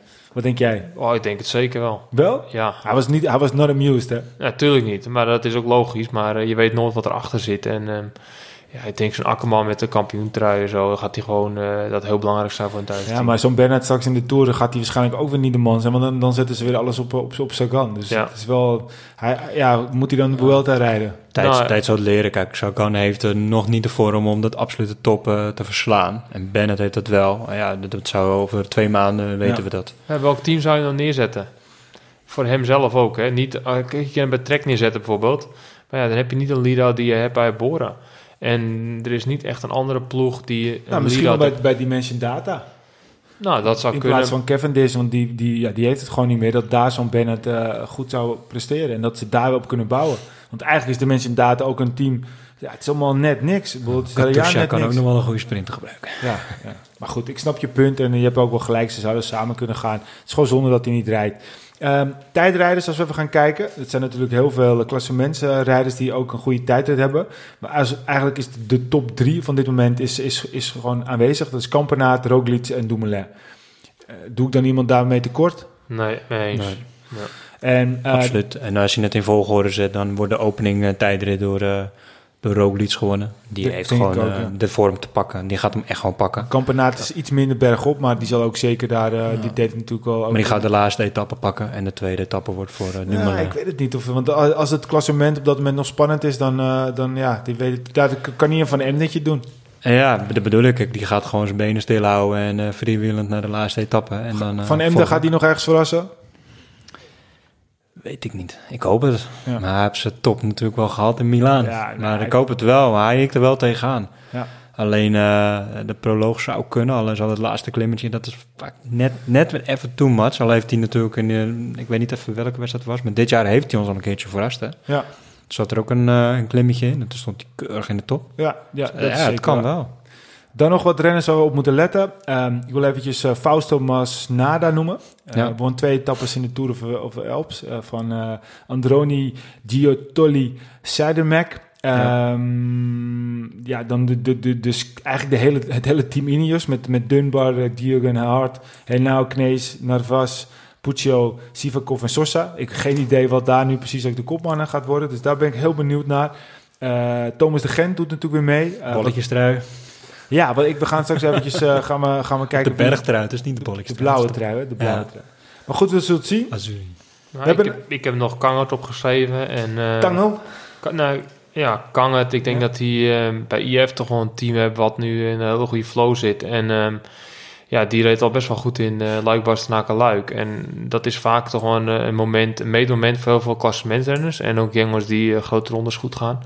En eh, ja, je zag hem een paar keer aangaan. En ik denk eh, dat we hem wel eh, een beetje een outsider kunnen doen voor mooie dingen. Ja. En hetzelfde geldt voor Sissi Konen, van, als ik goed uitspreek van Trek. Dat is altijd wel een, een renner die je kan gaan zien in, in deze grote ronde. Eén ding is zeker, het, het wordt weer drie weken genieten. Zeker, ik kijk er naar uit. Ja. Even kijken, we hebben, de, we hebben net eh, de roze trui hebben we gehad. Ehm, de sprinttrui, als die al, al heel belangrijk gevonden wordt, wie gaat die dan pakken? Eén naam, Viviani. Peter? Misschien wel Roglic. Dat zou ook wat zijn natuurlijk. Ja, maar ik, Viviani kan op zich Ik ook denk wel ook Vivi- eh, ik denk aardig ook- de jeugd Ja, maar, zo maar van. zo'n Jeet zou ook niet eh, misstaan, hè? Het zijn best wel wat aankomsten bergop. Hè? Ja. En dan tijdritpunten en eh, dat soort dingen. Als, als ook iets echt die vorm hebt wat hij hebt, kan hij drie keer een Ja. tijdrit winnen. Ja. En die sprinterlijnen, die worden al vaker min naar het einde toegetrokken. Dus die sprinters Precies. moeten er maar wel bij blijven. Ja, En zeker. hoe die rondrijdt in eh, Romandie, als hij die aankomsten bergop allemaal zou kunnen winnen, als er geen kop, te veel kopgroepen weggaan, want dan wordt het spannend. Ja, ik, vind het, eh, ik, ik ben het mee eens met een beetje bij Viviani. Ik denk ook Viviani, maar ik hoor, denk maar, eh, Roglic is helemaal geen verkeerde keuze. Ik bedoel, eh, het zou zomaar kunnen. Dan krijgen we eigenlijk een beetje een, uh, een mollemaatje, om het zo maar te zeggen, die toen ooit in, uh, in de Vuelta Ja. de sprintrij won. Van uh, Rodriguez, uh, by, by the way, met een Ja. puntje volgens mij uiteindelijk. Het zou mooi zijn. Het zou wel zonde van zijn energie zijn, denk ik. Maar, Nou ja, goed, als hij, als hij gewoon veel wint en veel vooraan rijdt. Ik bedoel, die punten blijven punten natuurlijk. ja, maar dan moet je sprinten. Om dat, secondes. eh, ja, kan je bij de sprinten ook uh, boni uh, Volgens mij is gewoon op de finishlijn uh, bonus. bonus. Finishlijn wel, maar ik bedoel meer de tussensprints. Oh nee, Nee, maar nee, dat nee. is niet zoals de Tour dat je supersprints hebt, geloof ik. Zoals we dat niet hebben in de Giro. Dat is alleen Tour de France, maar dat durf ik niet goed, eh, te dat, zeggen. eh, Ehm, dan hebben we de bergtrui. De Gent werd al genoemd. Ik, ik hoorde ook ergens uh, ten Dam. Ten Dam. Ja. Het zou het zijn. ja ik vind bergtrui is altijd lastig. Kijk, de laatste keer als uh, Chris Froome, die had de bergtrui ja, gewonnen. Ja, dat jaar ervoor Landa. Dus dat is moeilijk uh, om te zeggen of er een, of er een dagentje uit komt rollen... of dat er iemand uit de top van het klassement, uh, een, een Roglic in dit geval... Die, die, die ook etappes kan winnen, of Yates die etappes kan winnen... Uh, die dus op de lijn heel veel punten gaan pakken. Ja, dus je zou eerder zeggen dat een, een Yates of een uh, Roglic met veel explosiviteit... dat die de bergtrui gaat pakken. Ja. ja. Nou, we zullen het zien. We zullen het zien. En uh, dat wordt ook zeker weer een spannende strijd. Dan uh, de Nederlanders. Doen natuurlijk weer een aantal Nederlanders mee. Alfa zo uit mijn hoofd. Niet het jongere klassement. Dat is ook een uh, trui. Het jongere klassement uh, kunnen we maar ook ik, ik weet niet of dat nog een strijd gaat worden. Maar, nou, op zich wel. Waarom niet? Zijn wel wel ik, denk dat, ik denk dat Lopez gewoon met stip bovenaan staat. Ja? Ja. ja Oké. Okay. Okay. Ben je het eens? Ja, ben ik wel mee eens. Ja? Oké, okay, Lopez. Ik weet niet of je nog steeds onder de jongeren Ja, hij doet nog ja, mag Ja. net, Hij is net aan. 25, Uh, hij ja. doet net aan mee. Februari is jarig, hij mag net aan en, mee. en dan de Nederlanders, dus de oranje trui. Nou, goed, laten de we oranje niet, trui. uh, niet het klassement per se noemen. Maar um, welke Nederlanders gaan ons verbazen? Of welke Nederlanders gaan juist heel erg tegenvallen? Tegenvallen? Poeh. Nou, ik denk dat Tom die gaat ons, uh, ons hopelijk weer heel erg blij maken. En uh, ik denk dat uh, daarnaast zal het uh, voornamelijk een buirol worden voor het klassement gezien. En uh, in de sprint uh, we hebben ook niet echt een uh, Jacobs of een Groenewegen mee. Dus Nee. ik denk dat ze voor, uh, uh, als het al is Nederlanders, zal het ritzegers worden. Ja. Ik denk dat er twee Nederlanders zijn die, die echt gaan strijden om, om de prijzen. Dat zijn dan Mollema en Dumoulin. En dan wat jij zegt, Peter, dat, de rest die dit rijdt... jaar zich helemaal opofferen? Denk het wel, ja. Ja? Ja. Gewoon echt dat hij het helemaal gaat lopen. En, Ik denk uh, ook niet dat hij... Uh, hij is goed, hij is in vorm, anders ga je niet naar de Giro. Maar ik denk niet dat hij de absolute topvorm heeft die hij vorig jaar had. Ook omdat hij natuurlijk op het laatste moment uh, in de groep gezet is. En ze hebben het geloof ik ook uitgesproken. Omen, die moet gewoon laten lopen, die moet zijn kracht sparen. Okay. Weet je wat ik eerlijk gezegd echt hoop? Dat uh, Bouke niet voor een klassement rijdt, maar voor ritzegers. Zoals, zoals ook de laatste jaren in de... Ja, dat lijkt me gaaf, ja. Kijk, ik vind het heel mooi hoor, dat Bouke dat doet en uh, daar niks op af. Want ja, goed, hij doet wel mee en laat zien dat hij gewoon bij de beste klassementrenners hoort. Ja, stiekem vind ik het toch wel erg kick als hij uh, op Bouke Mollema-stijl gewoon een paar ritten ja. kan pakken. Dat vind ik toch wel... Ik zie hem al in Mollema zo... Wat ik ook gewoon mooi vind van Mollema is dat hij, hij heeft zijn focus gewoon bijvoorbeeld op het klassement. Maar hij heeft ook gewoon echt de kwaliteit. Mocht het klassement niet gaan, dat hij die knop om kan zetten. En ja. dat hij zich in één keer in de rol van vrijbuiter... En dat hij zou toch wat zijn, Bauke Mollema de bergtrui in uh, Italië. Ik wilde het ja, net zeggen. Hij kan hem ook winnen hoor. Ja, zeker. Hij kan hem zeker winnen. Hij kan wel die sprintjes hij allemaal. Kan, hij, kan, hij, is redelijk, uh, hij, hij, kan redelijk uh, sprinten. Dus, Volgens mij als de Gent uh, Mollema naast hem ziet, dan gaat hij het gewoon weer warm krijgen. Dat, dat zou wel, stel dat hij de bergtrui kan winnen in Italië. Dan is hij dus, als zijn carrière klaar is, is hij dus de winnaar van de puntenklassement, de sprinttrui, om het zo maar eigenlijk te zeggen, ja. de puntenklassement in de Vuelta. En dan kan hij dus de bergtrui winnen. Nou, dan, ben je toch wel een geniale renner. En dan gele bij de Tour. En, ja, ja, had hij, had en nog even een etappe-overwinning in het Giro, dan is het compleet. Ja, dat zou echt compleet zijn. Ja, het is een mooie renner. Een heerlijke renner. Kom op, Bouke, laat ons zien, jongen, wat je kan. Ik ben altijd uh, fan van Bouke en uh, ook uh, dit jaar gaan we er zeker weer voor. Um, het wordt sowieso spannend. Wij kijken ernaar uit. Nou, de volgende podcast die we hebben is natuurlijk alweer 15 mei. Dus dan zijn we net even onderweg. Gaan we er weer verder. Ik ben ook benieuwd wat Steven Rooks dan ervan gaat vinden. En uh, of hij het met ons eens is. Ik uh, mag hopen dat Steven de Giro een beetje gaat volgen. Ja, want uh, dat, we gaan het wel over wel de Giro. minimale eisen als je bij Koesenwezen bent. Um, we gaan er zo langs met afsluiten. Uh, we hebben net nog even gehad. We hebben, de, we hebben de, de strijd tussen Astana en uh, Quickstep. Of de Koning altijd. Wat denk je op dit moment is? Nou, volgens mij dat zat uh, uh, Kwik op 26. Astana op uh, 22. 23. 23. Ja. En, en, en Bora, die, die, die, ja, die hijgt echt in de rug nu al van Astana.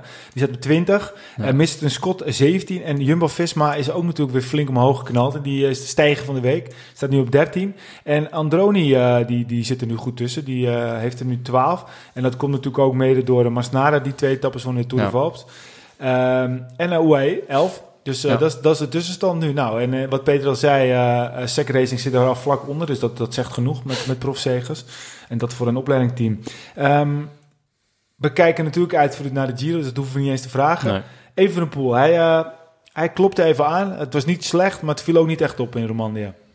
Nee, maar het was wel een mooie ronde voor hem. Hij kon ruiken aan het echte werk. En ja. ontsnapping heeft hij meegezeten. Amsterdam op de berg moest hij er dan wel vanaf. Maar goed, uh, ja, maximaal gegeven. Ja. Ik uh, denk dat het voor hem een hele mooie ronde was. En ja. hij, laat, hij laat wel heel duidelijk zien op deze manier van... jongens, verwacht niet te veel van mij. Want dit is gewoon op dit moment... Nee, zeker ik moet gewoon echt nog leren. Ik ben gewoon nog een tiener. Ik moet zeker. gewoon nog leren. En dat laat hij zo wel had ook een leeftijdsgenoot in een tijdrit van hem... die best wel ver boven hem eindigde. Dus dat zegt ook genoeg dat hij niet per se... ja, de komende jaren domineert. Maar dat wisten we natuurlijk ook al. Ja. En, maar goed, we, we Ah, blijven hem volgen. Ik vond het wel mooi dat er in... Uh, ik, natuurlijk in België wordt er alles over geschreven over hem. Dat hij, als hij al een scheet laat, staat in het nieuws. Maar ja. dat de ploegleider werd geïnterviewd... en uh, vroegen ze wat ze vonden van, uh, van, van Remco. En dan... Die was echt onder de indruk. En ook daar laat ze zien dat hij best wel pech had op momenten dat ze eigenlijk de koers openbrak. En dat hij lekker rijdt en gewoon nog terugkomt bij de tussentopfavorieten. En ik weet zelf hoe het is als de koers open gaat en dat je lekker rijdt. Dan is het 9 van de 10 keer word je gewoon gelost. Dan is het eigenlijk game over. Maar als je dan zo'n jonge jongen op dat, dat soort belangrijke momenten gewoon een verschil kan maken en wel terug kan komen. Dat wordt nooit gezien en nooit benoemd. Maar dat is echt wel heel erg lastig. En dan kan je gewoon zien dat zo'n jongen ook wel echt over het talent beschikt wat iedereen roept. En ja, maar hij doet ook heel veel uh, werk voor de ploeg. Zeker. Hij doet kopwerk, hij loopt in het treintje mee te sleuren. Dus hij doet wel echt alles wat hem gevraagd ja, maar, maar en wat hij ook moet doen. Maar we dat zijn gekscherend zijn we fan. Maar we zijn ook eigenlijk Tuurlijk. gewoon echt fan. Ja. Want het is gewoon mooi en we gunnen het hem ook. En laten we hopen dat het geen uh, van de broek wordt. Uh, dat hij gewoon de beide beentjes op de grond houdt. Ja. En uh, dat, dat goat moet hij nooit meer doen. Uh, dat zal hij ook zelf wel geleerd hebben. Maar laten we het anders formuleren. We zijn fan van het wielrennen. En Evenepoel die zou ons heel veel kunnen geven in de toekomst. Zeker, 100%. 100%. Peter, laatste woord. Nou, ik vond het wel een leuk podcast, denk ik. Ik was blij dat je erbij bent. Leuk. Ja. Gelukkig dat maar was, was. Ja, gelukkig maar was er wel even terug. En, uh, Leuk. Alleen even telefoongesprek tussendoor. Ja. ja. Maar goed, drie weken koers achter elkaar met één rustdag was wel, of tenminste met één dag thuis, was wel een flinke trip. En uh, nou ben ik voorlopig even thuis, een beetje focus op het tijdrijden. En uh, een beetje een mooie planning maken richting het NK. Dus ja, ik heb een mooi doel in het verschiet. Ik ga binnenkort wel eens een keer, als je niet op je tijd zit, dan ga ik wel achter, achter je aanrijden. Kijk, mijn fiets een beetje testen. Mijn nieuwe fiets. Dat hebben we vorige week uit, uitgebreid besproken. ja, is goed, gaan we doen.